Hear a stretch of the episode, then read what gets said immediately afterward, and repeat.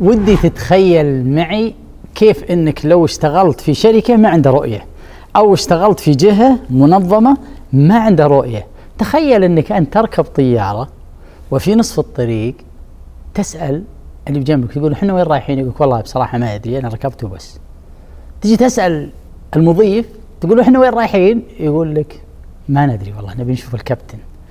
تروح تسأل مساعد الكابتن والكابتن يقول لك والله إحنا ماشيين كذا يعني على البركة إن شاء الله بنوصل مكان كويس بس يعني دعواتك.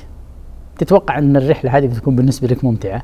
ما تعرف الوقت ما تعرف الوجهة ما تعرف هي برد ولا حر ما تعرف كثير من التفاصيل اللي المفروض إنك أنت ما ركبت رحلتك هذه إلا وأنت محدد رؤيتك اللي وجهتك اللي أنت رايح له. نفس الشيء لما تعمل في وظيفة ما تدري هذه المنظمة وين رايحة؟ قطعا ان ما راح تكون أنت مرتاح كثير.